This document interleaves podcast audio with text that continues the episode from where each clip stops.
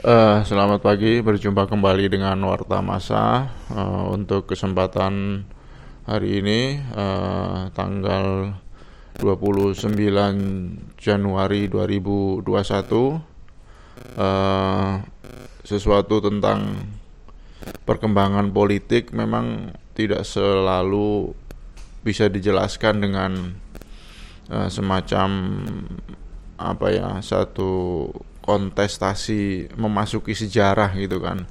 Kontes untuk masuk sejarah. Karena ternyata kalau sejarah itu misalnya yang yang masa lalu itu masih berpengaruh terhadap kehidupan saat ini istilahnya. Sehingga kalau lebih dari 50% itu karena masa karena pengaruh masa lalu mungkin sejarah dalam arti ke depannya kan mungkin ya tinggal berapa persen aja ibaratnya gitu kan. Nah maksud saya ini kan perlu titik tengah antara masa lalu dengan masa depan sehubungan dengan peran kita pada saat-saat masa kini istilahnya.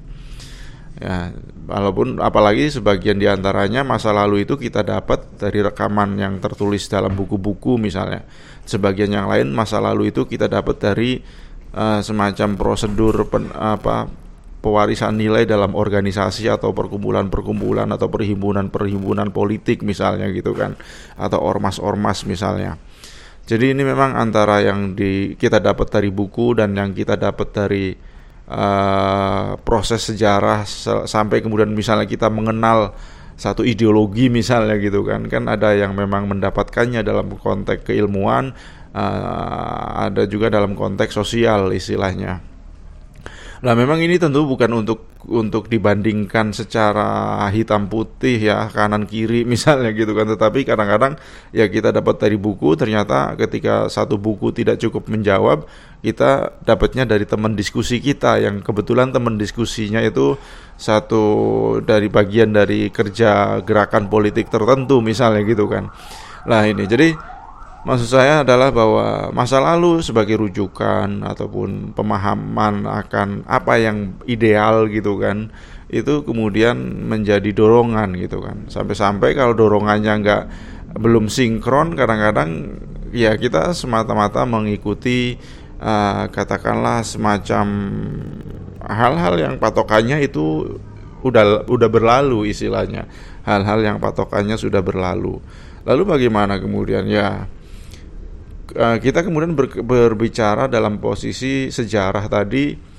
Ini kan ada secara secara konteks struktur ekonomi politik modern uh, kita sebut ada pelembagaan gitu kan. Termasuk dalam berdemokrasi kan ada pelembagaannya istilahnya.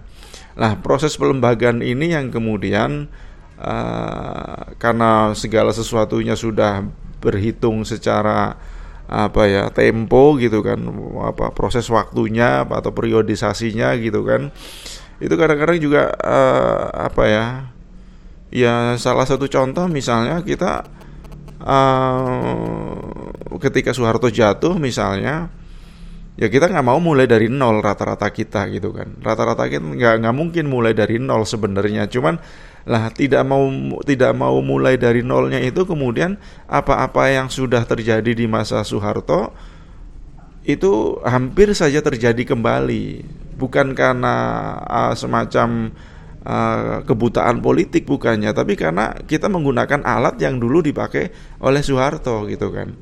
Padahal mungkin kebutuhan situasinya sudah beda ya kan. Artinya kita mengkritik itu bukan soal uh, a priori atau antipati kepada Soeharto, tetapi sebagian alat ibarat kata sudah nggak bisa diberlakukan lagi gitu kan dalam posisi perkembangan yang semakin global dan juga semakin partisipasi yang semakin meluas istilahnya.